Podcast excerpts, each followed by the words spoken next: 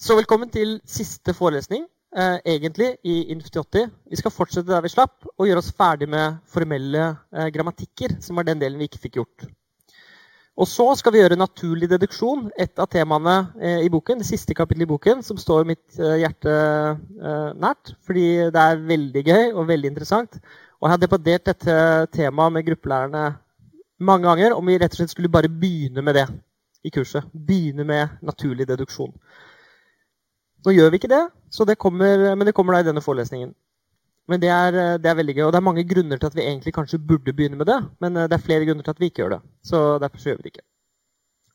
Er det noen spørsmål eller kommentarer før vi setter i gang? Er det noen spørsmål eller kommentarer til det vi gjorde sist? Forrige gang så snakket vi om formell språkteori. Vi snakket om regulære språk. Vi definerte regulære språk som språk som er definert induktivt, um, og som er lukket under bestemte operasjoner, som er union, konkatenering og klini-tillukning, eller bare tillukning.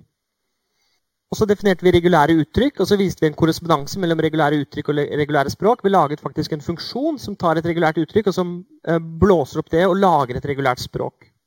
Og Så snakket vi litt om deterministiske tilstandsmaskiner og hvordan de var en annen måte å karakterisere de samme regulære språkene på. Nå skal vi komme inn og se på formelle grammatikker, som er den siste måten å karakterisere språk på som vi skal se på og som er noe som dere bør ha hørt om. Dette kommer til å minne dere om induktivt definerte mengder, og det er det også på mange måter i forkledning. Men det er en uh, spesiell måte å skrive dem på, og det er en tankegang rundt det som jeg vil at dere skal uh, se uh, og tenke litt over. Og, og, dette er noe som sannsynligvis flere av dere vil møte igjen i informatikkstudiet. Så hvis det er noen som lurer på noe underveis, er det bare å rekke opp en hånd. Um, så en formell grammatikk er et sett med regler som beskriver et språk. ved å si hvordan strenger kan skrives om til andre strenger. Så nå skal vi begynne å snakke om omskriving. Eller det å ta et uttrykk og så skrive det om til noe annet. Eh, for eksempel så kan grammatikken si at symbolet S skal skrives om til 00A. La oss si at det er en regel. da. Regelen sier bare ok, hvis det er en S der, så kan du bytte ut den S-en med noe annet. F.eks. 00A.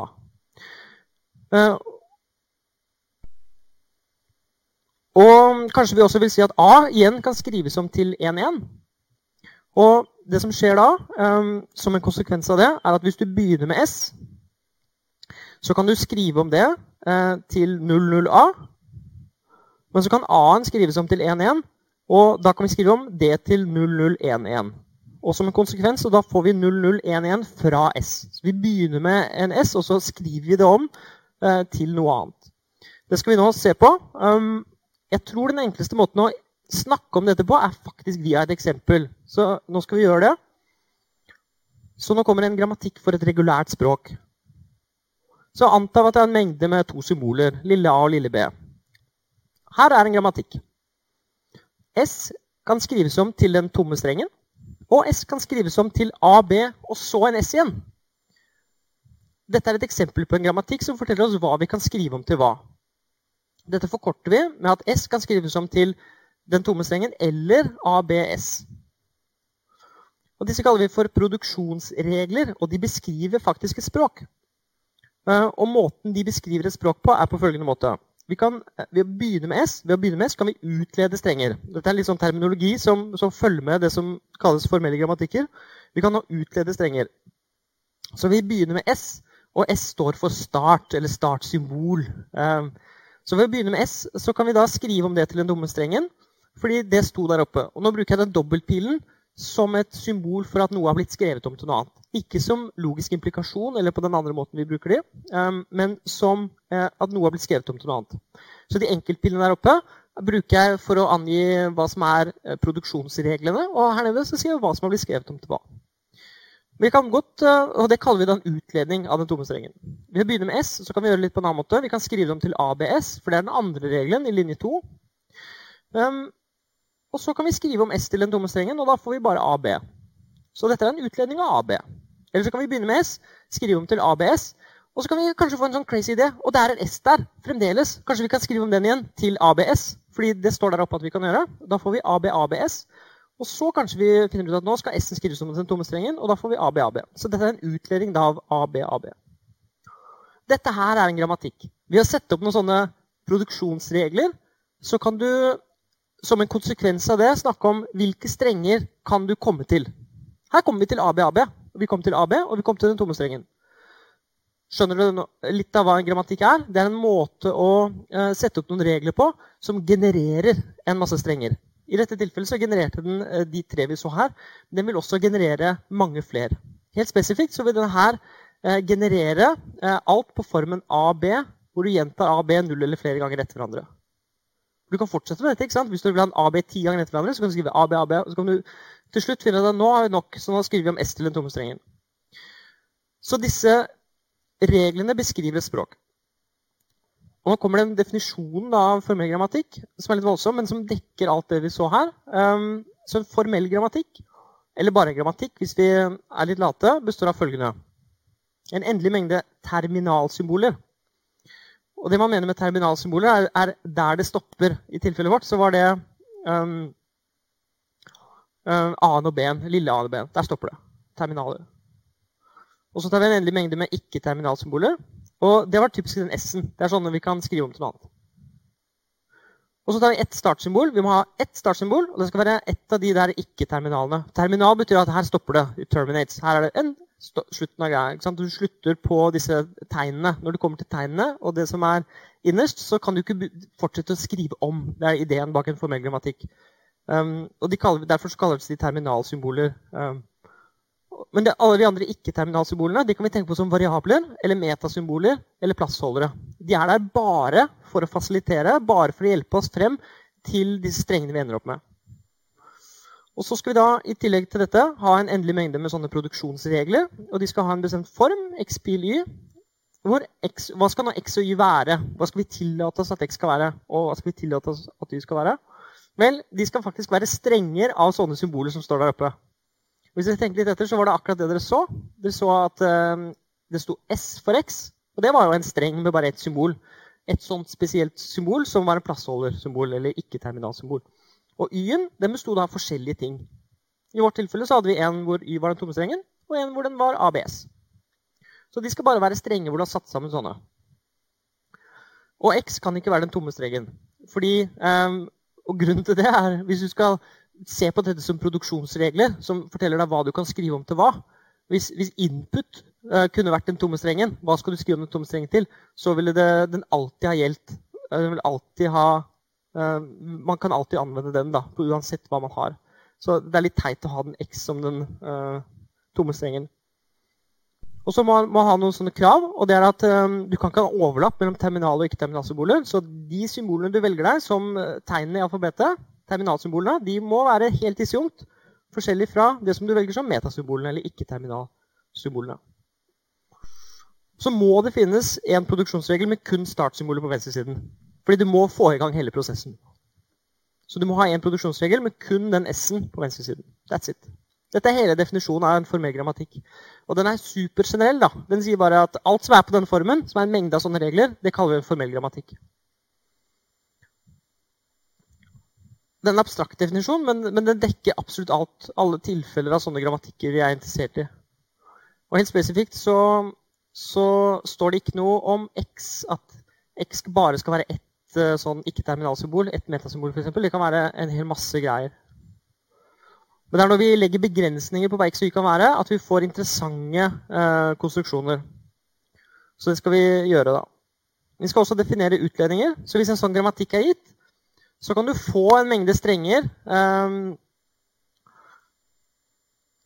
og hvis du ser på M som mengden av absolutt alle strenger, absolutt alle sammensetninger, absolutt alt, um, så får vi følgende. Så antakelsen er at vi har en sånn grammatikk gitt, og det er en mengde med sånne produksjonsregler. Og M det er mengden av absolutt alt du kan få av alle strenger. Og da definerer vi, Den er litt teknisk, denne definisjonen, men da definerer vi en binær relasjon på mengden av sånne eh, strenger. Og for det vi lurer på nå, da, det er, Hvis du ser på M som en, eh, en, stor bøtte med alle mulige strenger du kan lage, som består av eh, tegn og metasymboler, så lurer du på hva er det du kan skrive om til hva oppi den. Og nå lager vi oss en relasjon som forteller at okay, hvis du tar den og den, um, så, uh, kan du skrive den om til den. Hvis det er sånn at du kan ta en bit X og bytte ut med en annen bit Y, og det er en um, produksjonsregler som tillater deg å gjøre det. så relasjonen skal være sånn at det som står her, streket under, det holder nøyaktig når x pil y er en produksjonsregel i grammatikken, og når a og b er strenger i den underliggende eh, mengden. Skal vi se. Skal vi prøve å forklare det? Mm, jeg ser for meg, Når jeg ser, ser, ser, en sånn definisjon, så ser jeg for meg denne store mengden M. Oppi den mengden her er det masse greier. Eksempel, eh, så er alle mulige strenger over A, B og S, da, hvis vi har det. Kanskje vi har noen andre metasymboler også. Eh, kanskje vi har en metasymbol T, eller sånn ikke-terminalsymbol T. Alle mulige kombinasjoner oppi her er, eh, er med. Og så har vi én produksjonsregel, og den er f.eks. at S kan skrives om til ABS. Det var den vi så i stad. Okay? Og da sier definisjonen at hvis du har noe på formen AXB, så kan du skrive det om til AYB. Og Det betyr egentlig at hvis X er en del inni der, så kan du ta den X-en og skrive den om eh, til Y. Og da må vi lete etter S, denne her, inne i en eller annen streng. Og det, La oss si at vi finner den da her. Og Da betyr det at den S-en kan skrives om til ABS. Det betyr at um, oppi denne mengden så er jo også ABABS, som faktisk er resultatet av å bytte ut den eh, S-en med den biten der. Og det definisjonen forteller oss, er at ABS er relatert til, med den definisjonen, ABABS. Og det er sånn vi skriver utledningene. At hvis du har ABS, kan du skrive dem til ABABS. Så det er en litt teknisk definisjon, men den sier at um, intuitivt at hvis du har en streng og kan bytte ut en del av den strengen med en annen ved å bruke en av produksjonsreglene, så er de relatert. Da har du en utledning fra den ene til den andre. Dette er ikke noe annet enn å bytte ut deluttrykk med identiske deluttrykk. Hvis dere tenker på hva dere gjør i matematikk, så har dere f.eks. et uttrykk x pluss y pluss z. Og så vet dere at y er lik et eller annet. Ja, Da har du lov til å bytte ut y med det et eller annet. Og så har du noe som er likt det du hadde. Og nå gjør vi det samme. Vi gjør det på strenger. Så hvis du har strengen ABC, og du har lov til å bytte ut B med, med Q, så får du AQC. Fordi du har lov til å bytte det ut. Um, og dette er en formalisering av akkurat det, av akkurat det som, uh, i dette språket som handler om uh, grammatikker. Og Hvis du da har en sekvens med sånne omskrivinger, eller en sekvens som har den formen, så kalles det bare en utledning. Og så er vi faktisk interessert i å vite hva er det dette språket mm, gir opphav til. Hva slags ting kan man komme til? Jeg burde også spesifisere her at det er en utledning av xn fra x1. Og vi sier da at xn kan utledes fra xn. Så det vi er ute etter er hva slags strenger er det vi kan komme til hvis vi begynner med s. Og det er det vi kaller språket. Språket som defineres av en grammatikk, er mengden av strenger som kan utledes fra startsymbolet s, og som kun inneholder disse tegnene. I tilfellet vårt i stad så var det den tomme strengen, og så var det AB, og så var det ABAB, og så var det ABABAB det var de som ikke inneholdt metasymboler eller ikke-terminalsymboler. Det var de vi kunne komme til ved å bare gjenta omskrivinger om igjen. om igjen, om igjen. Og Det er det vi kaller språket som defineres av en grammatikk. Det var litt abstrakt, tror jeg. Men har du noen spørsmål til definisjonene? Nå har dere sett definisjonen av grammatikk, dere har sett definisjonen av utredning, og jeg er klar over at dette er nokså abstrakt. Um, men dere kan der, Dere burde ha et eksempel i bakhodet. F.eks. dette enkle eksempelet da, som vi gjorde med, med S til den tomme strengen, eller S til ABS. Det er en veldig enkel grammatikk, men, men, det er et eksempel. Vi skal se noen flere eksempler på det. Men først Og Grunnen til at dette er litt tricky, det er at eh, det er lett for meg å gi masse eksempler på grammatikker. Eh, men jeg vil også gjøre det ordentlig med å gi definisjonen. Og det er sånn at uh, Dette er en ekstremt generell definisjon av grammatikker. Nå skal vi prøve å begrense den litt, sånn at vi får uh, kun de regulære språkene ut. Og Det er det vi kaller regulære grammatikker. Skal vi gjøre det først, og så skal vi se masse eksempler. Så En regulær grammatikk det er en uh, grammatikk hvor enhver sånn produksjonsregel er, på, er, er på formen A pil x, hvor A er et ikke-terminalsymbol, så nå har vi allerede gjort én begrensning. Det er at Alle disse produksjonsreglene skal kun ha um, ett ikke-terminalsymbol på venstresiden. F.eks. den S-en var sånn. S skal skrives om til noe.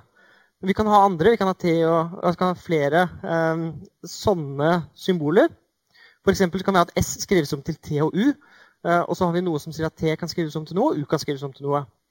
Uh, det vi ikke har lov til å gjøre i regulære grammatikker, er å ha to metasymboler eller to ikke-terminalsymboler på venstre side. Eller ha faktisk terminalsymboler på venstre side. Så vi kan ikke skrive at en liten A skal skrives om til en liten B. Det har vi ikke lov til nå. I henhold til den definisjonen skal vi nå begrense oss til eh, sånne produksjonsregler hvor alt på venstresiden faktisk er metasymboler. Vi skal også legge en begrensning på høyresiden. og det er at X består av maksimalt et ikke-terminalsymbol. Og i så fall så skal det komme, forekomme lengst til høyre. Og det vi så eh, eksempel på, det var at S skal skrives om til den tomme strengen. Den oppfyller den definisjonen. Men S skal også skrives om til ABS. Eh, og her forekommer det et terminalsymbol på høyresiden, men det forekommer altså helt sist. Og dere, Ideen bak en sånn um, regulær grammatikk er at den skal ta et eller annet metasymbol og så skrive om til noe. Og så på slutten av der er det kanskje et metasymbol. Og hvis det er det, ja, da kan vi fortsette sånn. Så ideen er på en måte å, å programmere inn eh, måter å fortsette på. Så nå skal vi se eksempler. Så denne grammatikken som vi så, den er regulær. Og den beskriver det samme språket som det regulære uttrykket AB stjerne. Fordi AB stjerne betyr uh, gjenta AB null eller flere ganger etter hverandre. Så tom streng, AB eller ABAB eller, eller noe mer. La oss si at vi har lyst til å beskrive mengden av absolutt alle strenger over det alfabetet. Da kan vi gjøre det med denne grammatikken her. Så her sier vi at S kan skrives om til den tomme strengen, eller til AS eller til BS. Så nå syns jeg dere skal gi meg en utfordring. Eh, det er bare å gi meg en eller annen streng. En eller annen streng med A og B-er. Da hørte jeg noen si ABA. Jeg hørte det inni meg i hvert fall. Um, ok, Hvordan får vi den? Hvordan kan vi få den fra den grammatikken? Vel, uh, det er utfordringen. Da begynner vi med å skrive S. S kan skrives om til ja, hmm, A og så en S. Kjempefint. Og det, fordi da, da, brukte jeg den regelen der en gang. Men så kan AS skrives om til eh, ABS. Hvorfor det? Jo, fordi S kan skrives om til BS. Det står her. S kan skrives om til BS. Og så kan jeg skrive om S-en til A bare. Nei, AS. Jeg må skrive riktig. A, B, AS. Det som skjedde nå, var at den S-en her den ble skrevet om til AS. Og da brukte jeg den eh, regelen der.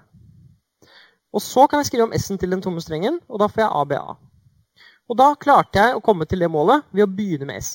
Så ideen var uh, klar, den. Jeg skulle frem til ABA, som ikke inneholder noen sånne store bokstaver, eller noe det vi kaller ikke-terminalsymboler, eller metasymboler eller variabler.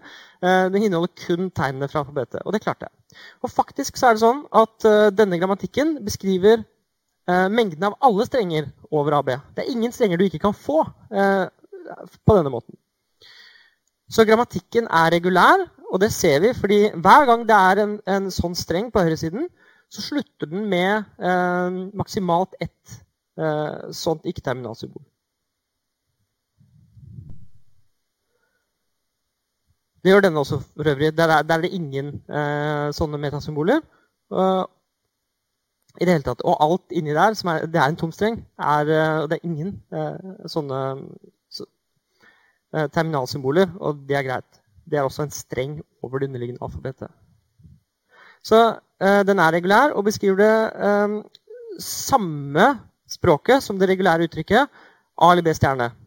Og A eller B stjerne betyr Nå skal du gjenta noe mange ganger, for da er vi i stjerneverden. Du skal gjenta A eller B. Gjenta det f.eks. tre ganger. Først velge A, og så velge B, og så velge A. Da fikk vi ABA, sånn som vi gjorde.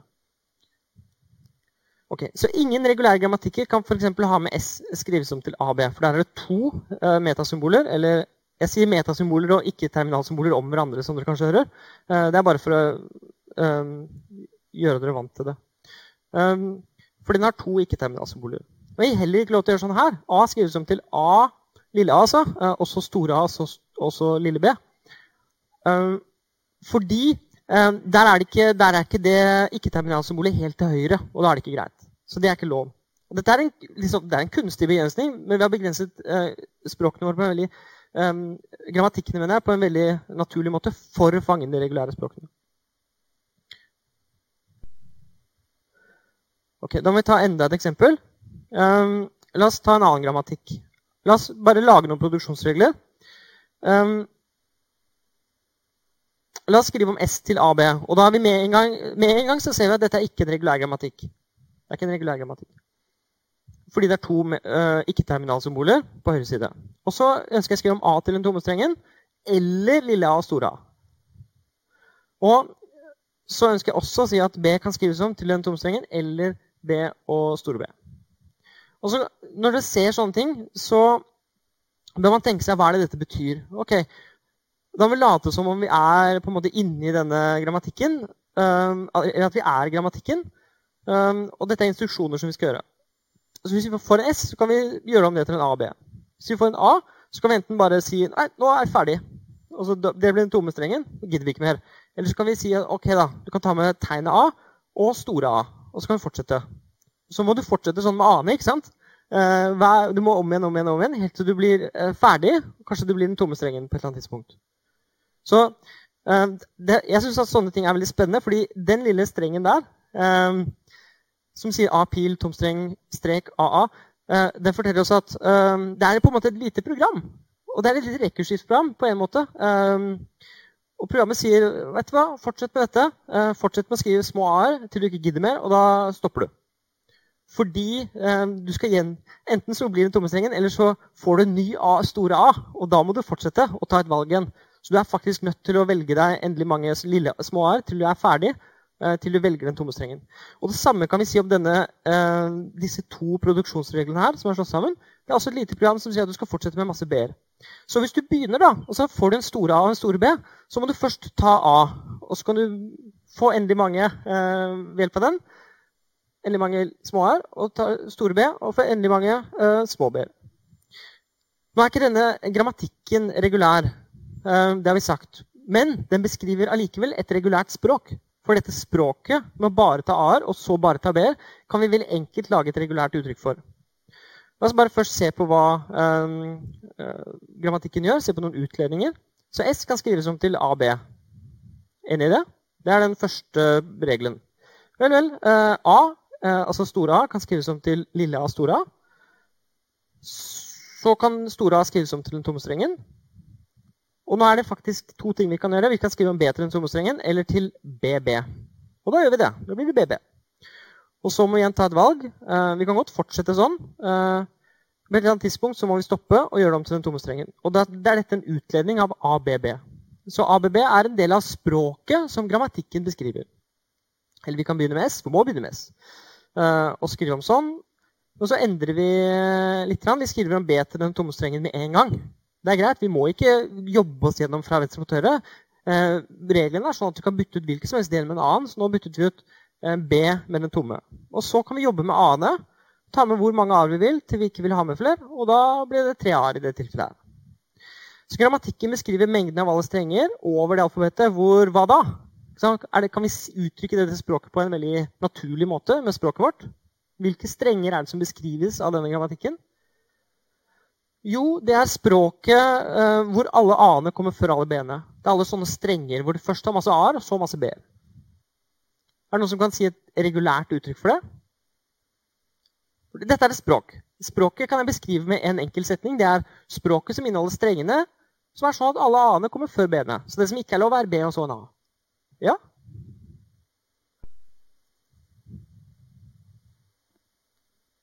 Spørsmålet er kan man ikke gjøre en operasjon med A og B samtidig. Eh, og svaret er nei.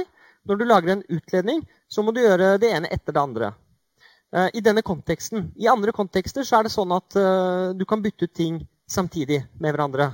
Så hvis en A kan bli til noe, en B kan bli til noe, så kan du bare bytte ut begge samtidig med det du vil ha. Men en utledning, det som ligger implisitt i begrepet utledning, er at du faktisk har gjort det i en bestemt rekkefølge. Så her må du faktisk velge å gjøre noe før det annet. Og det blir to forskjellige utledninger om du velger å gjøre det ene før det andre. Spørsmålet Ja, der oppe. Spørsmålet er er det lov til å begynne utledningen med f.eks. to s-er, og det er ikke lov. Så vi begynner en utledning med én s. Kanskje det er en uh, produksjonsregel som sier at s-en kan skrives om til ss. Og så kan du fortsette, og så får du veldig mange s-er, og så kan du fortsette. Da er ikke det en regulær grammatikk, men det vil være en, en formell grammatikk som vi kan bruke. Dette er veldig fint for meg å få spørsmål, fordi da gjør det at jeg kan kommentere på litt andre ting enn det jeg vanligvis ville tenkt på.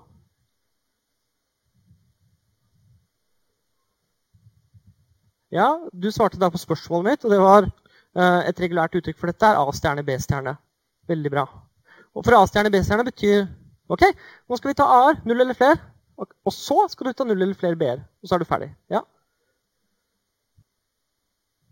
ja, det er fint du spør. Um, du spurte um, hvorfor kalles disse egentlig for regulære, og hva er nytteverdien av dette? Det var kortversjonen. Uh,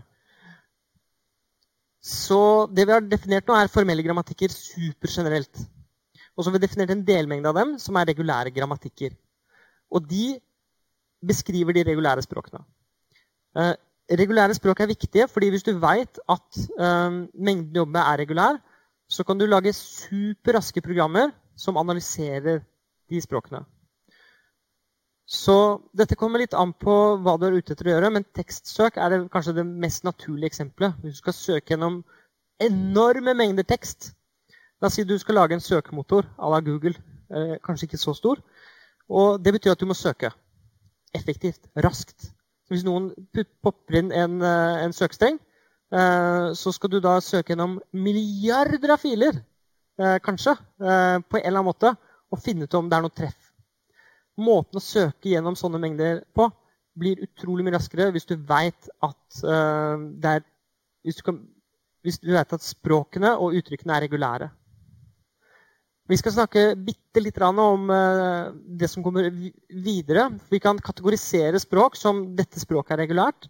Og så fins det også språk som er, uh, som er kraftigere, sier vi, eller, eller større.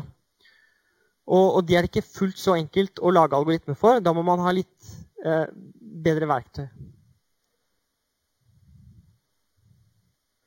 Det f.eks. å sjekke om et, eh, et, program, et dataprogram er syntaktisk korrekt skrevet, da bruker man disse teknikkene og metodene. Jeg sier ikke nødvendigvis at alt det er eh, regulært, eller at man bruker regulære uttrykk eller regulære språk, men det er, de samme, det er de samme tingene som kommer inn. Så dette er begynnelsen på et veldig stort studium som jeg vil at dere skal ha en smakbit på. Eh, så vi går ikke veldig langt. Men jeg sier at den enkleste formen for formelle språk, det er regulære språk. Hvis du vil under der, eh, så blir det endelige språk. Eh, og de er litt sånn kjedelige. Så med, og det er greit, du kan ha det, men du ønsker ofte å ha det litt mer generelt. Og med en gang du ønsker å ha et uendelig språk og beskrive de på en bestemt måte, så er regulære språk eh, kanskje det aller enkleste. Fordi det eneste du har lov til å gjøre her, er å gjenta noe eh, etter hverandre mange ganger. Endelig mange ganger. Okay, så da er um, tiden inne for å si uh, hva som kommer um, utenfor. Fordi begrensningene på en regulær grammatikk er veldig harde. Så eller veldig strenge. Så la oss snakke om det neste, neste typen grammatikker. Og dette er egentlig noen fraser som jeg bare vil dere skal høre, og det er kontekstfrie eh, grammatikker. Og la oss definere det, så kan jeg motivere det etterpå. En kontekstfri grammatikk det er jo en grammatikk, sånn som det er lært, så det er bare en, en mengde sånne produksjonsregler. Eh, men det er noen krav her. Og, og, det er en grammatikk hvor hver produksjonsregel er på formen A pil X. Og det er jo alle, men vi skal legge noen begrensninger på, uh, på A og X. A skal være et ikke-terminalsymbol. Ja, det var greit. Det, den kjøper vi. Det skal være ett ikke-terminalsymbol. Um, og X skal være en streng av terminal- og ikke-terminalsymboler. Det hørtes ut som uh, akkurat det samme som det vi hadde, men hva er forskjellen? Hva er forskjellen mellom dette og definisjonen av en grammatikk helt generelt? Vel, en grammatikk helt generelt tillater at X eh, kan være hva som helst, det er akkurat som her, men A kan også være hva som helst. Så I en generell grammatikk så kan A være absolutt hva som helst. Og det betyr eh, at du kan lage sånne rare produksjonsregler som sier eh, Hvis du har to a-er, to sånne små a-er som er tegn, og en ener, og så kommer det en S, og så kan en X, og så slutter det med CAB, så kan du bytte ut akkurat den biten med noe annet. Og det kalles for kontekstsensitive eller kontekstgrammatikker. Altså da, da, ser du på hele konteksten. Og Grunnen til at disse heter kontekstfrie, er at si, hver eneste produksjonsregel tar ett, og bare ett sånn ikke-terminalsymbol og sier du skal byttes ut med dette. Den blåser i konteksten. Og med konteksten så mener vi det som er rundt. Jeg ser for meg en streng står der. ikke sant?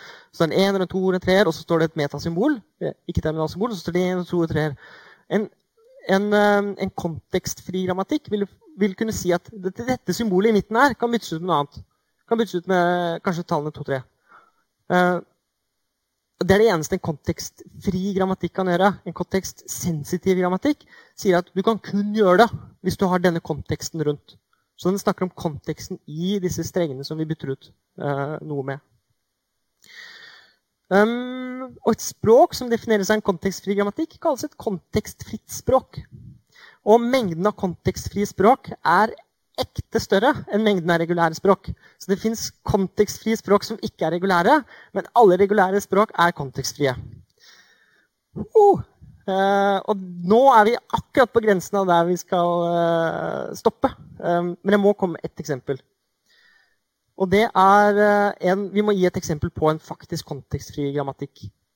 Um, og det er typisk dette her. Um, S går til tom streng eller til ASB. Og ASB ville ikke vært lov å si i en regulær grammatikk. I en regulær grammatikk så må vi slutte med sånt, en sånn S eller et annet uh, symbol som kan oversettes noe annet. ikke terminalsymbol. Men her vil vi putte den i midten, mellom en A og en B. Så dette er altså et kontekstfri grammatikk, men det er ikke en regulær grammatikk. Og nå eh, får vi et veldig spesielt språk. Um, vi kan nå utlede f.eks. AABB. Ser dere hvordan vi skal gjøre det? Ok, Nå må vi også se denne grammatikken innenfra. Hvis dere later som om dere er den grammatikken Jeg vet at dette er vanskelig, men forsøk. Um, da er det sånn at Hvis du får en S, så kan du stoppe. Du kan gi en tom streng. Ferdig. Ikke noe mer. Eller så kan du si at ok, på venstre side av meg uh, så skal det stå en A. Sånn da. Og på høyre side av meg skal det stå en B, og så skal jeg lage en ny kopi av meg selv. S. Og forestille deg at det er S-en også. Og så kan du fortsette sånn og bytte ut S-en med på en måte en A på venstre side, en B på høyre side, men fortsatt beholde S-en til du på en måte er lei og bytter ut S-en med en tomstreng. Så du får A-er på venstresiden, B-er på høyresiden til du er ferdig, og så blir du tomstreng. Og da begynner vi med S, og så kan vi skrive om det til ASB. Og så kan vi skrive om S-en, den S-en inni der Ehm, den S-en inni der kan vi nå bruke denne regelen her til å skrive om til ASB. Men de to andre rundt står stille. Bare for å si det dette her er kontekstfritt.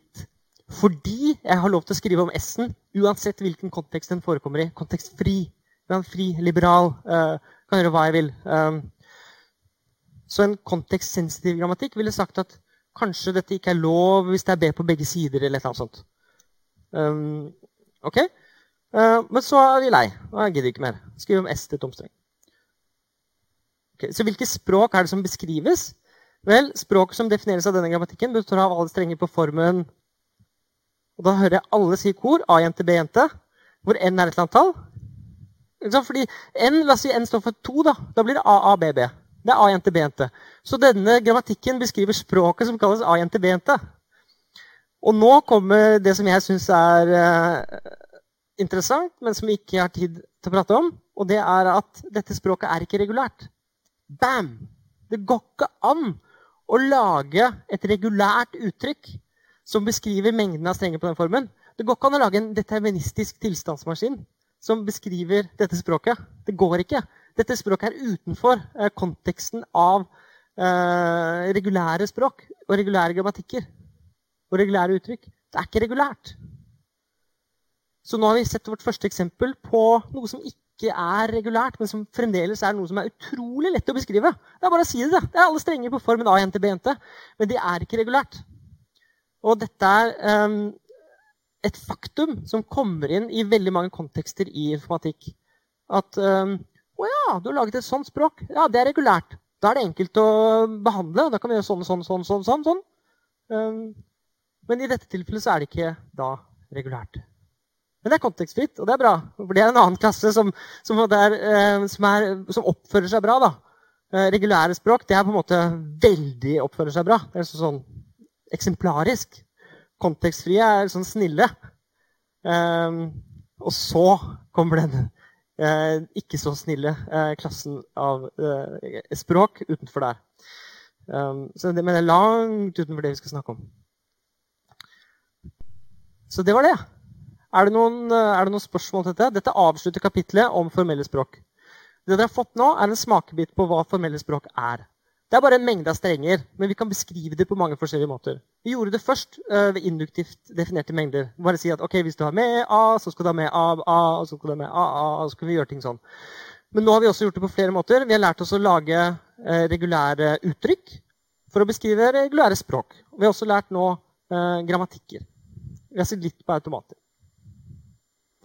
Så som dere skjønner, så har vi også nå bare åpnet en dør. Jeg har sett inn, Oi, det lukter kjempegodt. Det liksom, står noen der og lager mat. Lukker igjen døren, sier sorry, vi må videre til kapittel 24. Det er litt sånn jeg føler det, for det er så trist, nesten.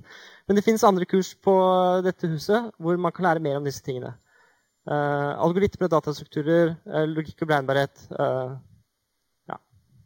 For automater og sånn så er inn 2080 det naturlige neste steget. Er det ingen spørsmål, altså? Ingen spørsmål til uh, dette som jeg ikke har besvart? Nei? Sikker? Da skal vi begynne med naturlig deduksjon, og det er veldig interessant. Skal vi bruke omtrent en time på det. Så i dette kapitlet skal du lære en logisk kalkyle som kalles naturlig deduksjon. Nå, måte, nå må vi eh, skifte gir helt, egentlig.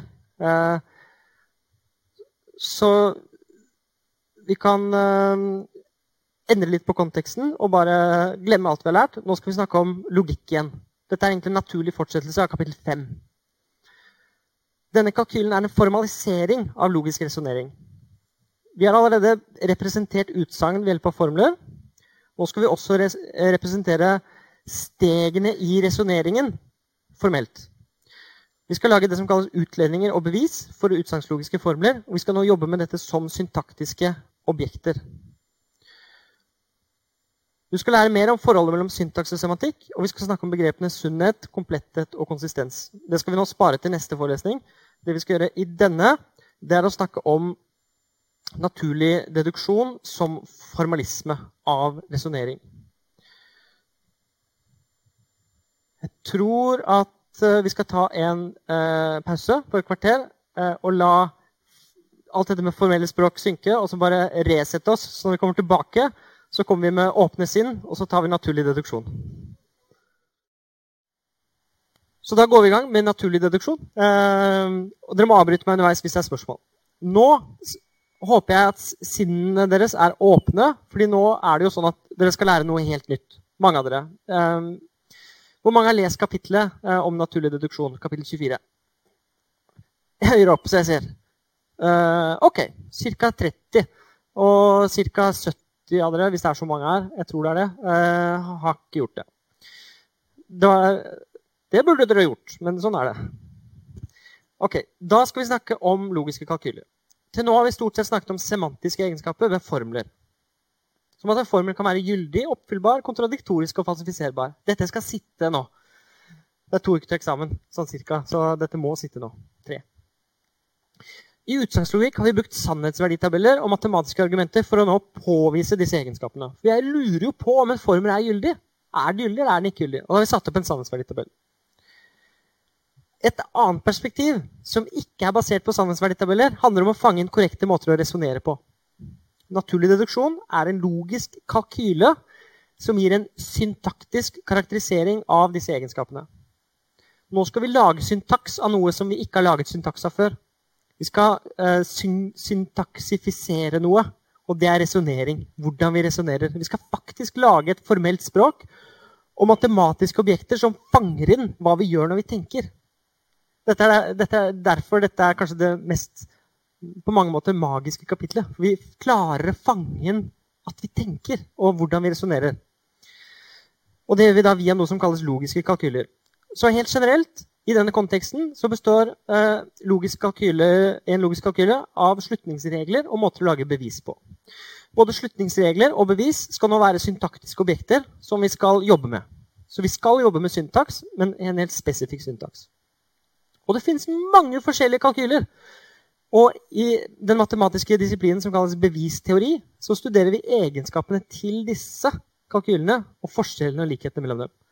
Og nå er det superabstrakt, for vi kan, formler har vi jobbet med. Det er, igjen, det er noe abstrakte greier. Men så lager vi eh, nå bevis og kalkyler som matematiske objekter, og så undersøker vi dem i forhold til hverandre. Å ja, en kalkyle den har den egenskapen.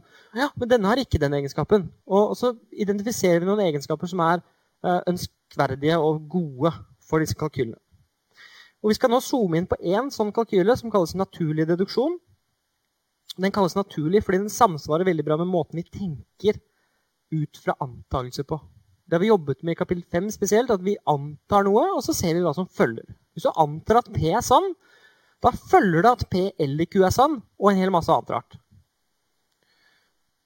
Så Vi begynner med å se på det som heter slutningsreglene i naturlig deduksjon.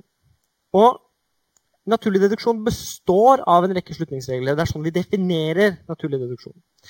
Og De er til for at vi skal kunne trekke konklusjoner fra antakelser. Og Dette er rent syntaktiske konstruksjoner. De forteller hvordan utledninger kan konstrueres.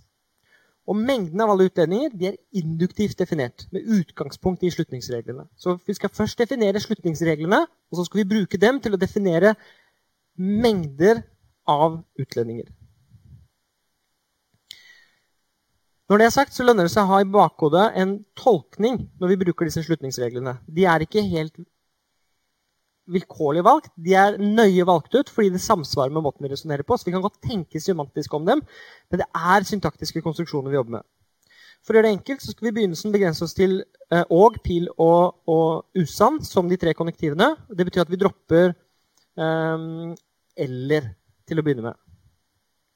Og vi dropper eh, Det er bare eller vi dropper. Og vi dropper også ikke. Det er ganske viktig. Vi dropper ikke-symbolet. Og det, Dette er egentlig uproblematisk, fordi ved hjelp av pil og usann eh, så kan vi uttrykke negasjon. Dette har vi snakket litt om. Formelen f-pil usann, eller f-pil bottom, eller f-pil bunn, uttrykker nøyaktig det samme som ikke-f. De er samme sannhetsverdi alltid, så de er ekvivalente. Hver gang du skriver ikke-f noe sted, så kan du også skrive f gir deg det usanne. Fordi de vil, de vil bety akkurat det samme. De vil, også, de vil alltid tolkes som det samme. og Eh, de oppfører seg likt. Og I naturlig deduksjon spesielt, men også i mange andre logikker, så er faktisk ikke F bare en forkortelse for F-pil usann.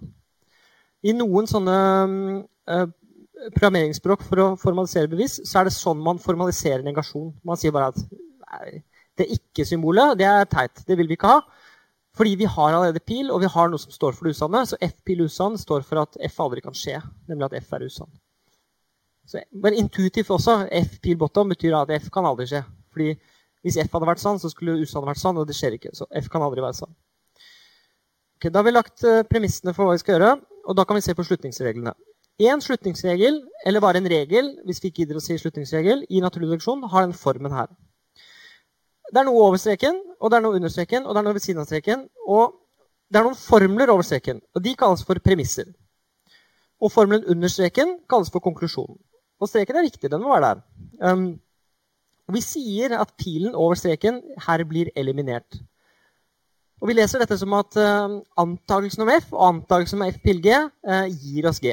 Vi har, vi har, sett på dette som en logisk konsekvens før. og det er sånn at uh, Hvis du antar F, at, at, F er sann, og F pil G er sann, så må det følge at G også er sann.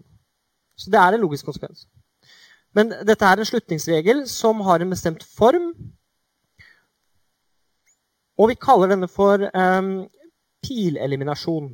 Og Det er derfor det står til høyre for den pilen, eller høyre for streken, så står det uh, pil altså E. Så navnet på regelen står ved siden av streken. Det er sånn vi skal skrive dem. Og denne regelen kalles pileliminasjon, eller pil-E. Vi skriver det bare som en pil og så en E. Og Grunnen til at den er eliminasjon, er jo at det står en pil over streken, og det er ikke noen pil under streken. Så poff, blir borte. Så hvis du har en F og en F-pil G, så kan du få en G. Og det er ikke noen pil der. Pilen blir borte. Pilen blir eliminert. Så vi kaller det en pileliminasjon, for det er ofte det vi gjør. Hvis det er sånn at uh, hvis du kom på festen, så ble jeg glad, og du kom på festen, så ble jeg glad. Det var F-en og G-en. Så vi har nå uh, følgende introduksjons- og eliminasjonsregler.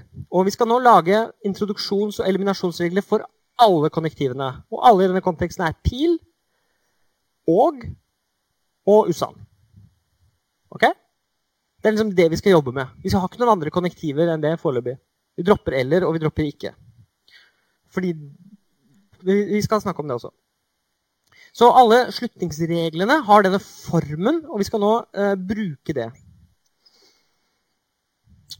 Og denne, de en, Det er en bestemt form fordi f-en og g-en her er plassholdere hvor vi kan putte inn ting. Ok? Reglene for og-formlene er følgende. Dette kalles for og-introduksjon. Og Det betyr intuitivt at hvis du har en f og du har en g, så kan du konkludere med f og g. Så det er en og-introduksjon, fordi nå blir en og-symbolet introdusert under streken. Det var ikke der før. Det er ikke over streken, og plutselig er det en og der. Og greia er at Hvis du har en f og du har en g, da kan du lage konduksjonen. Du kan sette dem sammen, du kan introdusere et konnektiv. Det er intuisjonen. Og så kan du eliminere. Hvis du har f og g som konduksjon, så kan du eliminere og-tegnet, og så kan du få f-en der nede, og så fjerne g-en. Men da er det jo også sånn at hvis du fjerner f-en, så kan du få g-en. Og intuitivt så svarer dette til at hvis du veit at f og g er en sann formel, da veit du også at f er en sann formel. Og hvis du vet at f og g er en sann formel, da veit du også at g er en sann formel. Så jeg leser disse ovenifra ned som logisk konsekvens. Så hvis det som er, det som er over streken er sant, så må det under også streken være sant. Men det er bare syntaktiske konstruksjoner. Det er en strek med noe greier over og noe greier under. Så vi har altså én introduksjonsregel og to eliminasjonsregler for overformler. Jeg har nå sagt hvordan du skal tolke dem. Men eh, vi skal nå gjøre dette enda mer eh, nøye. Vi skal faktisk nå snart definere hva en utledning og hva et bevis er. Og det disse reglene koder inn, er at hvis du faktisk har en utledning for F Ikke bare at F er sann, hvis du har en utledning for F Jeg skal definere hva en utledning er, men hvis du har det, og du har en utledning for G, da kan du sette sammen det til en utledning for F og G. Så man kan forestille seg at det er noe greier her oppe, og det er noe greier her oppe, og så setter du sammen det til noe greier sånn. Det er på en måte litt av det som kommer til å skje. At vi setter sammen utledninger, og disse reglene skal vi bruke til å sette sammen um, utledninger til nye. Og hvis vi har en utledning for en konjunksjon, så kan du lage en ny utledning for en av konjunktene. Det er det som uh, dette betyr. Det kommer masse eksempler på dette uh, snart. Reglene for pilformlene er eh, sånn som vi har sett. Det er pileliminasjon. Men så kommer denne. Og nå skal jeg prøve å forklare den, og så skal vi se eksempler på den. Men denne regelen koder inn at følgende Hvis du antar F, og så resonnerer du fra den F-en, eh, og så konkluderer du med G Ja. Eh, da kan du alt i alt konkludere med at hvis F, så G. Antakelsen om F gir meg G, og da kan jeg konkludere med at eh, f pil g er en sann formel. Intuitivt så forteller også dette at hvis jeg Ja, det går fint. Hvis jeg begynner med antakelsen om f og resonnerer meg nedover, um, og klarer å komme til g, så kan jeg i det store bildet komme til f pil g. Og så står det klamme rundt f-en, og det betyr at eh, vi trenger ikke lenger den antakelsen for den konklusjonen vi er ute etter. Nå har vi introdusert en pil. Dette skal vi snart se eksempler på. Så Vi har en introduksjonsregel som fjerner piler, og så har vi en som eh, en, um, en, introduksjonsregel som introduserer piler, og en eliminasjonsregel som fjerner piler. Eliminasjonsregelen sier at hvis vi har en utledning for F og en utledning for, for F-bilje, og det bildet er litt sånn her, litt sånn grovt, så har vi en utledning også for G. Vi skal bruke dette etterpå til å definere noe induktivt. Introduksjonsregelen er litt annerledes. Den sier at hvis vi har en utledning for G, hvor F er en eller annen antakelse, hvor du har antatt F et eller annet sted, så har vi også en utledning for F til uten den antakelsen som vi gjorde. Dette svarer til intuisjonen vår om hva F pil G betyr, nemlig at G følger fra antakelsen om at F. Så på en måte så har vi brukt dette indirekte, fordi hvis vi har fått i oppgave å vise en pilformel, så har vi redusert det til å vise at ok, hvis eh, vi antar det som står foran pilen, og kommer til det som står bak, så, så må det holde. Så må F pil G være sant, faktisk. Og dette er en måte å formalisere det på. Så er det to regler til før vi skal se eksemplene, og det er reglene for usann. Og dette er en regel som sier at um, alt kan utledes fra det usanne, eller fra bottom. Intuitivt så er det sånn at hvis du, hvis du, har, hvis du har utledet bottom, da kan du utlede alt. Og så har vi reductio ad absurdum-regelen. Og den sier at uh, hvis du antar det motsatte av F, som står øverst, og så kommer du til noe som er uh, tullete, så kan du konkludere med F. Og det til venstre er en form for uh, eliminasjonsregel, altså det at bottom gir F. fordi eh, bottom eller usann elimineres. Reducto ad absurdum er en formalisering av motsigelsesbevis. Eh, jeg sier det igjen. Hvis det er mulig å utlede det usanne fra F-pil det usanne, eller altså ikke F, så har vi en utledning for F uten den antakelsen som vi begynte med. Og det er det vi gjør i et motsigelsesbevis. Det svarer eller anta ikke F, og så utlede en selvmotsigelse. Eh, da kan vi konkludere med F, og så fjerne den opprinnelige antakelsen. Vi er ikke interessert lenger i å holde på den antakelsen om det som faktisk var usant. Det var bare noe vi brukte som sånn mellomsteg. Vi antok at noe var usant, så var det tullete. Så konkluderer vi med at det er sant. Og Det er derfor det står sånne klammer rundt den, og det betyr at den er lukket. Så La oss snakke litt om lukking av antakelser. I disse, to av disse reglene blir antakelsene fjernet eller lukket. Og det er pilintroduksjon og reductio ad absurdum. Og vi setter klammer rundt dem. Hvis en antakelse ikke er lukket, kalles den åpen. Um, og for å antyde når de ulike antakelsene blir lukket, så kommer vi til å sette tall ved dem. Um, dere kan se på pilintroduksjonsregelen, uh, f.eks. Og nå kommer det to, litt subtile ting. Uh, hvis vi fra en antakelse F klarer å vise G, kan vi konkludere med F pil G. Det er det, Regelen ser sånn ut at hvis du antar F, eller hvis du har F som en eller annen antakelse, og du klarer å konkludere med G, da kan du konkludere med eh, F pil G i det store bildet. Eh, og så kan du lukke den antakelsen. Vi kaller det å lukke den, for da trenger du den ikke lenger. Den, eh, den var der for å fortelle deg, eller for, som informasjon du brukte for å komme frem til G, så trenger du den ikke lenger. Og Trenger vi å beholde antakelsen om F i dette tilfellet? Nei, når du først har utledet F-pil-G, så vil det være et tilfelle uten den antakelsen. Du trenger den ikke lenger. Det var et hjelpesteg på veien. Er det forbudt å beholde den? Det vil si bare ikke lukke den og ikke sette de klammene rundt den? Eh, nei, men det er unødvendig. Det skal vi snart se.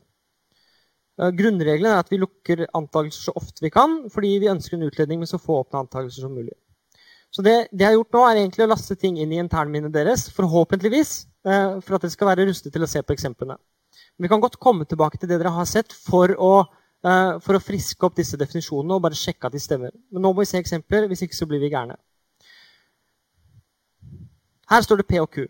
Hva følger fra P og Q? Jo, jeg kan fjerne eh, og-symbolet og si at vet du hva, Q følger fra P og Q. Bare, bare vær med meg i resonneringen nå. at Hvis du antar P og Q, eh, så må du også godta at Q er sann. La oss gjøre noe annet på den andre siden her. La oss bare anta P og Q der også. Og fra den antakelsen så følger det at P Dette er to øh, forskjellige utledninger. På den ene siden så har jeg konkludert med Q, og på den andre øh, siden så har jeg konkludert med P. Og nå lurer jeg på, Kan jeg sette sammen disse til en større utledning? For dette er to delutledninger. Ja, eh, vi har en regel som heter, pi, nei, som heter og-introduksjon. Og den gjør at jeg kan sette sammen disse to utledningene til én stor utledning, hvor vi konkluderer med Q og P. Dette er sånn vi skal bruke slutningsreglene. Og det dere ser her, da, det er én stor utledning hvor det er to uh, antagelser som er åpne. P og Q i venstre gren, vi kaller det gren, og P og Q i høyre gren. Så her og her er det to antagelser. Og her nede er det vi kaller en konklusjon. Dette er en utledning som viser at hvis du antar P og Q, så følger faktisk Q og P. Dette er en utledning som viser at hvis du antar P og Q, så følger faktisk Q og P. Det er en veldig naturlig ting, eh, og det bør være sånn. Så dette er et superenkelt eksempel på en utledning. Så vi brukte nå eh, tre slutningsregler for å lage én stor utledning. Men nå må vi være litt mer kreative. Nå skal vi bruke pilintroduksjonsregelen. Og den regelen hadde en bestemt form. Den sa at hvis F forekommer, kan, og du kan konkludere med G, så kan du eh, konkludere totalt sett med F-pil G, og du kaller det en pilintroduksjon. Og så kan du lukke forekomster eh, av den der, og så kan du på en måte nummerere bare for å holde orden på eh, hva som er lukket og ikke lukket. Ok, Hva er det vi har her? Um, denne her er en F som forekommer der oppe, som er en antakelse. Dette her er også den samme F-en som forekommer som en antakelse. Så det blir den F-en som står på venstre side der. Og den som står her nede, det er den G-en. Og Det betyr at jeg kan konkludere med um, F pil G nederst der. Og Det blir da P og Q, pil Q og P. Og fordi pilregelen, pilintroduksjonsregelen er sånn som den er, så kan jeg nå, og bør jeg nå um, skal bare ta bort sånn, kan jeg lukke disse antakelsene på denne måten her. Og det jeg sitter igjen med nå, er en utledning hvor jeg har lukket disse antakelsene i toppen. Og nederst så står det konklusjonen min, og det er at P og Q impliserer Q og P. Som er faktisk en gyldig formel. Det vi ser her, er en formalisering av hvordan vi resonnerer. Vi har antakelsene på toppen. Det er det vi antar. Og så Etter hvert som vi går nedover, så skriver vi hva som følger fra de antakelsene. Vi jobber syntaktisk. Så dette er faktisk en utledning av formelen P og Q, pil Q og P, hvor alle antakelser er såkalt lukkede. Og slike utledninger kaller vi for bevis. Så et bevis kommer vi til å definere som en utledning hvor alt som er oppi toppen der, eh, er lukket. Dvs. Si har sånne klammer på seg.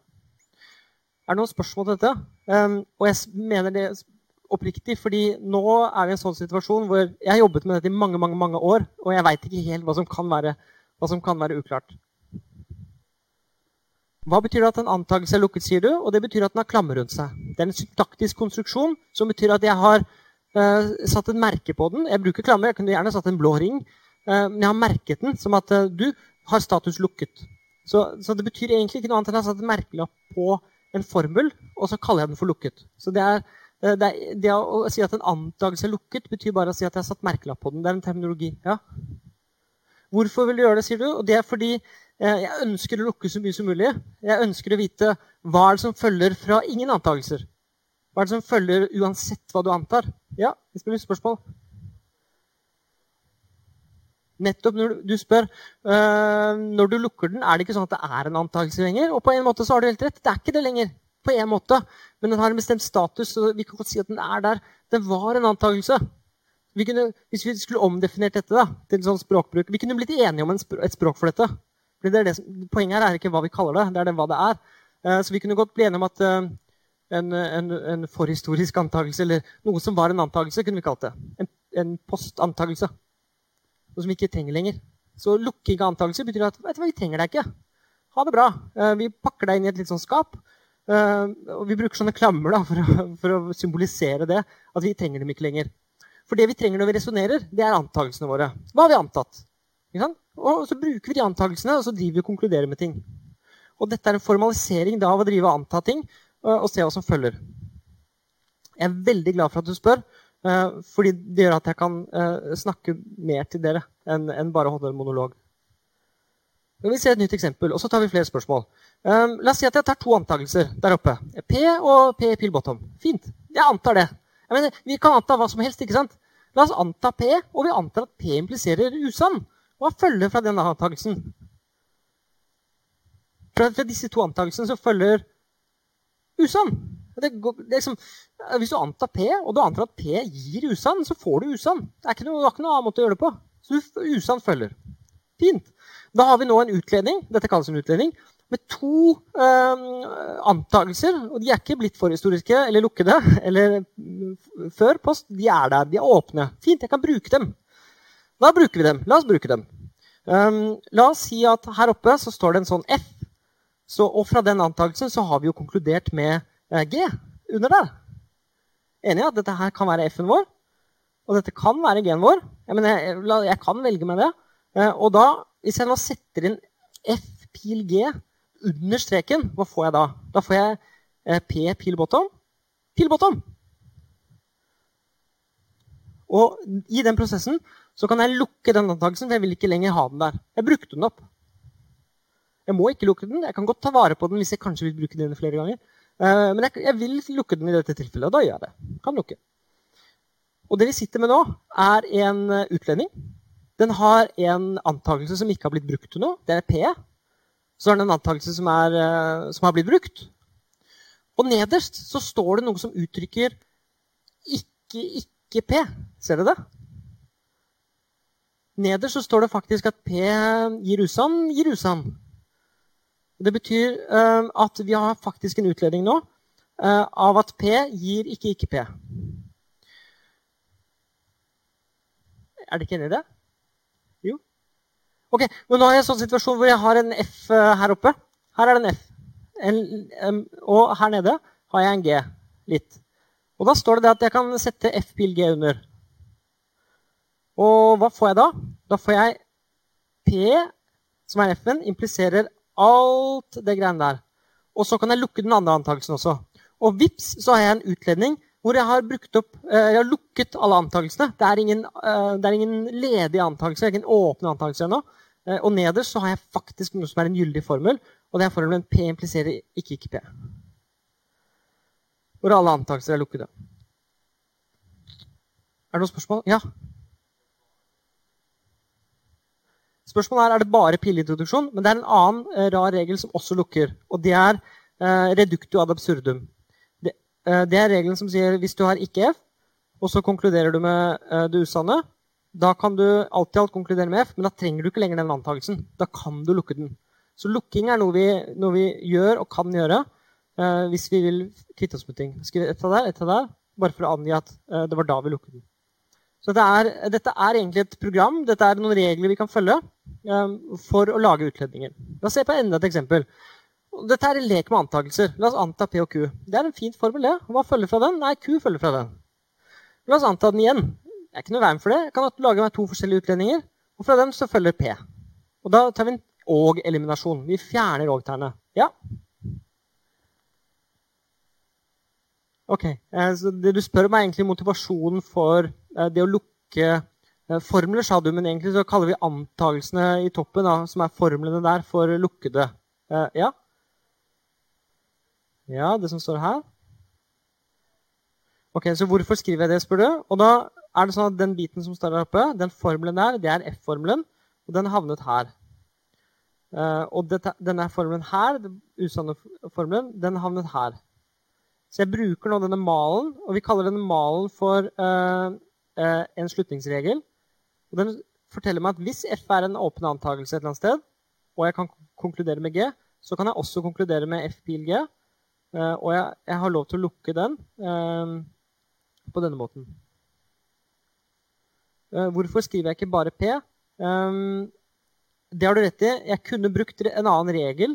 Jeg kunne brukt reduktet ad absurdum-regelen og bare skrevet P. Men nå vil jeg gi et eksempel på, på, en annen regel. Du har helt rett at jeg kunne brukt reduktet ad absurdum-regelen, for jeg har noe som er på den formen at jeg har P pil usan øverst, og så kommer det usan. Da kan jeg konkludere med, med P. Men det er en annen slutningsregel. Og denne slutningsregelen her, som er pilintroduksjon, eh, tillater meg ikke det. Det eneste den tillater meg, er å gjøre det på denne måten. Jeg har stor tro på at vi, vi, skjønner det mer og mer ved å gjennomgå flere og flere eksempler, og at dere fortsetter sånn, akkurat sånn som dere gjør nå, med å stille denne type spørsmål. Så vi var her da, i resonneringen. Er vi med på det? Så det er to forskjellige utledninger her nå. Det en, dette her er ikke én utledning, det er to forskjellige. En på venstre side, hvor vi har laget en mini-utledning med en liten antakelse som ga oss Q. Og så er det en annen utledning der oppe som ga oss P. Um, og nå uh, skal jeg si det at uh, OK, her har jeg en utledning som gir meg P. Her er det også en liten sånn utledning. Uh, og der er det bare en enkel formel. P pil Q pil R. Og nå kan jeg sette sammen de to, fordi jeg har en P og en P pil Q R. Hva får jeg da når jeg setter sammen de? Jeg har en P på den ene siden, og jeg har en P-pil pil R på den andre siden. Da kan jeg sette inn Q-pil R. Og det som skjer nå, da, er at jeg begynner sånn smått å bygge opp mer og mer eh, komplekse strukturer. Eh, men jeg begynner med veldig små bestanddeler. Så nå er det to utledninger på tavla. På venstre side så er det en miniutlending av P og Q. Gi meg Q. På den annen siden, eh, den annen, altså det jeg nå setter en firkant rundt, det her, det er en utledning med to uh, åpne antakelser. Den der og den der. Og så sier jeg at ok, dette her er konklusjonen.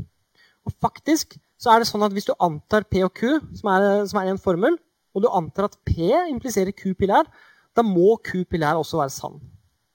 Så dette er en formalisering faktisk av hva som følger fra hva. Er, er dette klart? Um, dette er pil, hvorfor er det en pil-eliminasjon? Jo, fordi den pilen der blir eliminert. fordi jeg, På en måte så, så, tar jeg denne her biten P, så plugger jeg den inn der, og så får jeg resultatet. Så en, en pilformel er på en måte en sånn maskin. som hvis du, hvis du, putter inn det som står på venstresiden, så får du det som er på høyresiden. Og det var det jeg gjorde nå. Det står P, pil, Q, pil her. Fint. Da mater jeg den med P, og så får jeg Q, pil her ut. På en eller annen måte så er det liksom en funksjon. Jeg kan ikke blande inn det for mye, men det er, det er litt sånn. Er dere enige at jeg har to utledninger på tavla nå? Hva er det naturlige neste steget? Kan jeg sette sammen de to utledningene til én stor? Ja. eh, Og det som er moro nå, er at her er det en ku. Se på det som en ressurs. Jeg har vunnet en ku. Jeg har fått en ku. Og her eh, har jeg en instruksjon som sier meg at hvis du har en ku, så har du en R. Eller du har vunnet en annen premie, da, som er noe som gjør kuer om til R-er. Og da kan jeg bruke pileliminasjon igjen, og så kan jeg konkludere med R. Og dette er fint, fordi nå har jeg laget én stor utledning. Og den store utledningen har tre åpne antakelser oppe i toppen. Vi har P og Q, P og Q, og så har vi P, pil, Q, pil, R. Den, den og den er tre åpne antakelser, og de sammen gir meg R. Ser dere det? Og hvis dere faktisk antar de tre tingene, så må R følge logisk. Så dette er en formalisering av logisk konsekvens. Hvis det er oppe i toppen er sant, så må det i bunnen være sant. Nå skal vi bruke pilintroduksjon igjen, og så lukke. For det er, det er, lukkingen som faktisk gjør dette litt interessant. Så hva er det vi kan lukke? Um, vel, her oppe er det en F og Nei, ikke en F. Jo, her er det en F. La oss si det er en F. Det er en F, og det er en F. Det er på samme form. Og her nede så er det en G. La oss si. Da kan jeg konkludere med at F pil G, uh, og det i denne konteksten, blir jo da P og Q pil R. Og så kan jeg lukke disse. Det er det som er hele trikset. Så nå, det jeg gjorde i denne prosessen, jeg kan spole tilbake, det var å si hmm, hmm, Skal vi introdusere en pil? Fint. Da vi, kan vi bruke den, og vi kan bruke den der. Begge to, det er like. Og så kan vi lukke de, og så kan vi introdusere en pilformel. Veldig bra. Nå er det én åpen antakelse igjen. Og, det, og dette, denne utledningen den formaliserer det at hvis du antar P pil Q pil R Hvis du antar P pil Q pil R, som er, som er det som står her, vet du hva? Da følger det der nede. Og det er intuitivt, fordi P, pil, Q, pil, R det er en maskin som gjør alle P-er om til en ny maskin, som gjør Q-er om til R-er. Det gir meg en maskin som tar inn en P og en Q, og som gir meg en R. For den maskinen nemlig, den, har, den kan bruke den forrige maskinen til å først putte den P, og så putte den Q, og så får den R-en. Så disse to formlene følger eh, logisk fra hverandre. Iallfall så følger den der nede logisk fra den der oppe. Og bare for å banke det inn, så kan jeg faktisk nå ta en pilintroduksjon til.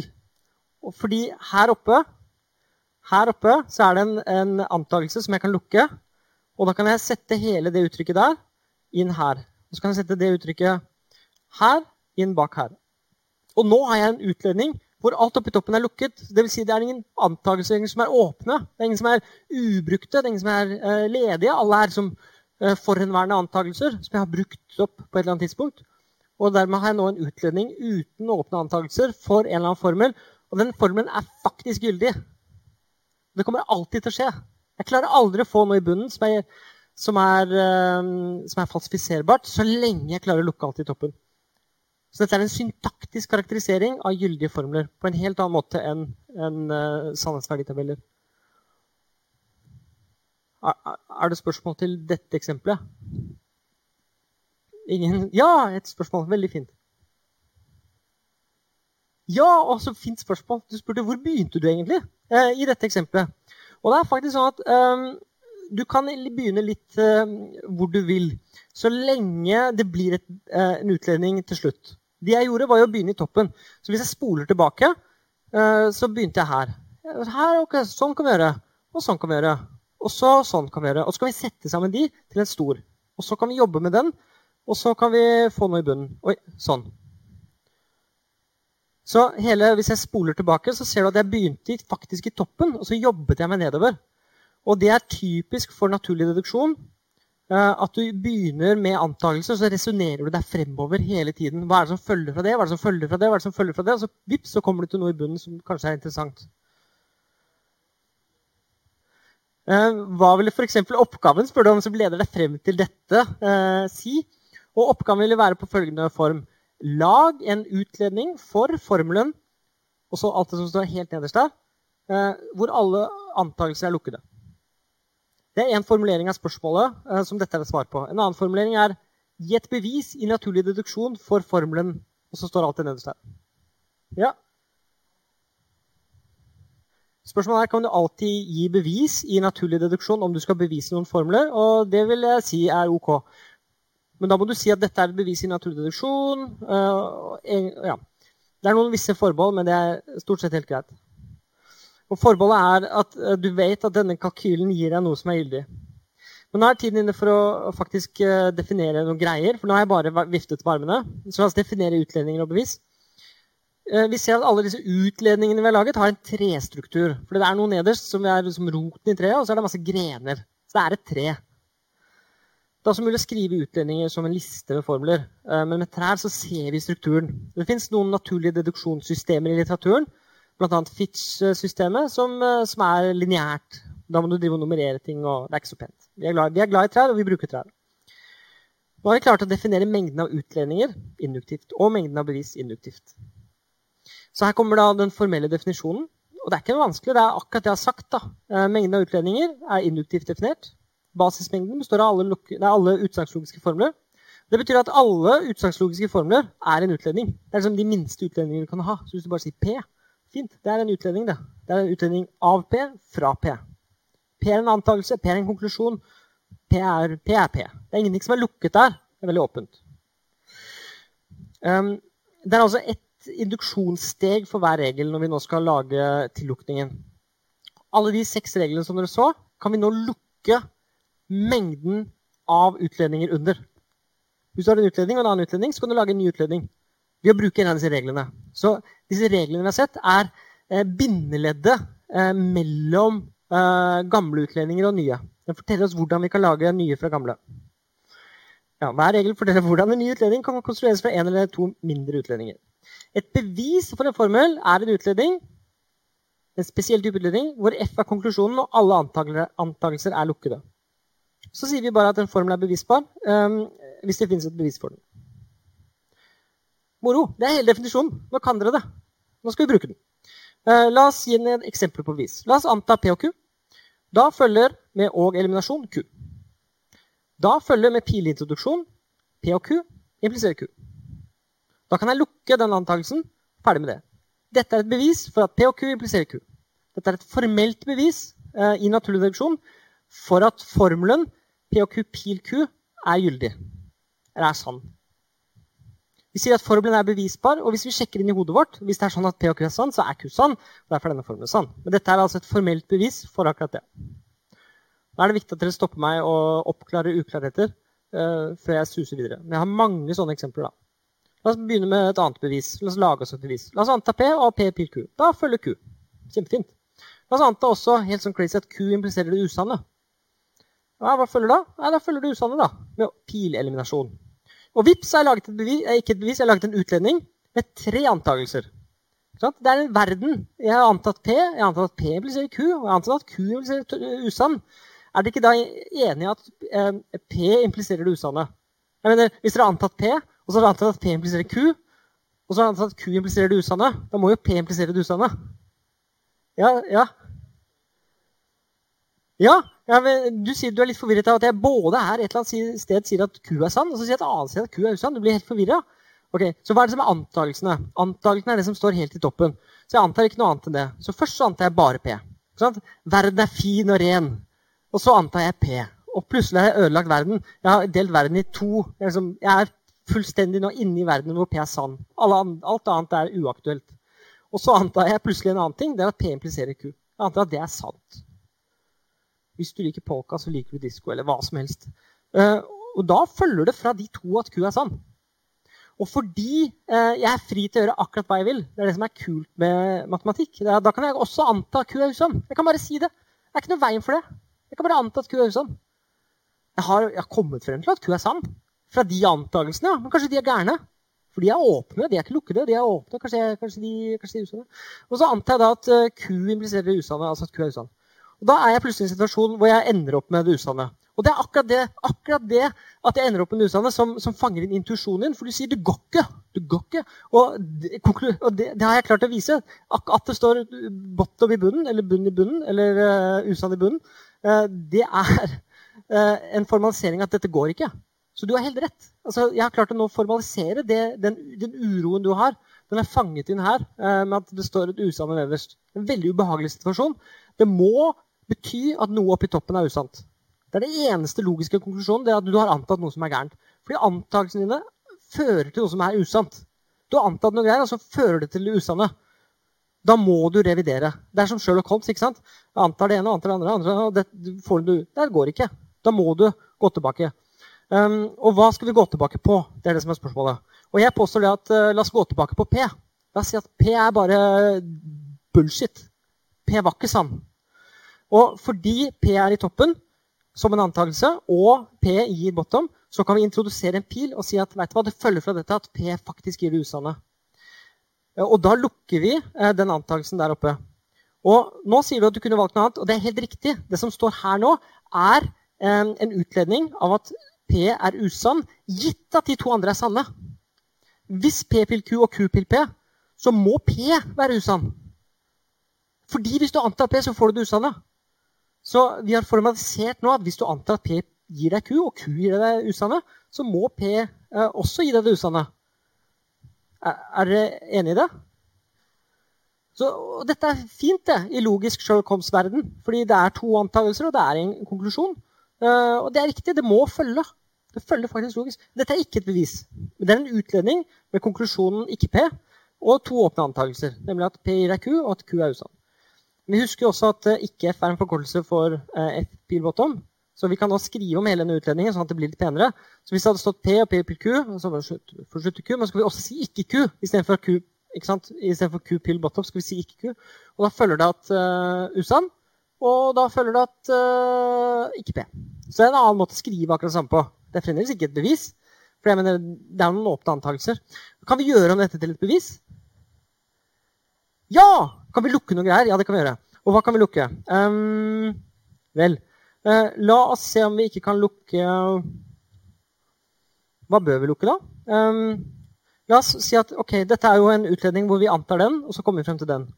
Og Det er fint, fordi kanskje vi kan bruke de to, og så sier vi at ok, ikke-Q gir faktisk ikke P, og da kan vi lukke den. Og det som er vakkert med dette, da, dette er en utledning, og, og det er fremdeles ikke et bevis, fordi vi har en åpen antakelse, P pil Q. Denne utledningen fanger inn at hvis P pil Q er sann, så må også ikke, ikke Q, pil, ikke P være sann. Og dette er det samme som det kontrapositive. Så dette er faktisk en formalisering av det kontrapositive prinsippet. at Hvis P impliserer Q, så må det være sånn at ikke Q impliserer ikke P. Og dette har jeg fått bare ved å følge reglene. Eh, jeg har laget noen syntaktiske regler. og Jeg følger de syntaktiske reglene og bare bruker dem akkurat sånn som de var definert. Og så følger det um, at noe er utledninger, og noe er ikke utledninger. Eh, som en konsekvens av det. Jeg syns det er helt fantastisk eh, interessant, fordi det betyr at vi kan ta noe vi alle gjør, og vi kan faktisk det, uh, representere det formelt. Vi kan representere resonneringen formelt. Er det noen spørsmål nå? Skjønte du det? Uh, ga det mening? Flere nikker, og det er jo et godt tegn, da. Det er et spesialtilfelle som er litt rart. Jeg, må, jeg, ikke, jeg har ikke god samvittighet hvis jeg ikke nevner det. Og vi kan faktisk anvende pilintroduksjonsregelen uten å lukke noen antakelser. La meg gi et eksempel, så skjønner du det. Eh, hvis du antar P, bare la oss si at du antar P. Hva følger fra det? Vel, jeg kan faktisk si at Q pil P følger. Og så kan jeg lukke alle antakelser av Q. Alle sammen. Det var ingen, så det var greit. Jeg lukket alle. Og intuitivt så svarer dette at hvis P er sann, så må Q pil P også være sann. Det er ikke noe sånn at Q pil P kan være usann, fordi hvis P faktisk er sann, så blir Q pil P usann. Og det jeg kan bruke Eh, pilintro til nå er faktisk å si at ok, her var det en antakelse, her var det en konklusjon. Da kan jeg sette den ned der, og så kan jeg sette den ned der. Og så jeg, kan jeg lukke den som er helt øverst, og da får jeg en, en, en, lukket utledning. Eller med andre ord et bevis, og det er et bevis for at P impliserer Q impliserer P. Og det Intuitivt sier det mening, for hvis du antar P, så blir du faktisk tvunget til å godta at Q impliserer P. uansett. Og det er selvfølgelig med tolkningen vår av pil, men, men, men det er en naturlig tolkning. Ok, Så det var 45 minutters krasjkurs i naturlig deduksjon. Eh, det er litt mer å si, og det fortsetter vi med på tirsdag. Og på tirsdag så blir det også en oppsummering eh, av, eh, av pensum og litt sånn tilbakeblikk og de store linjene og sånn. Så da ses vi neste uke. God helg. Uh.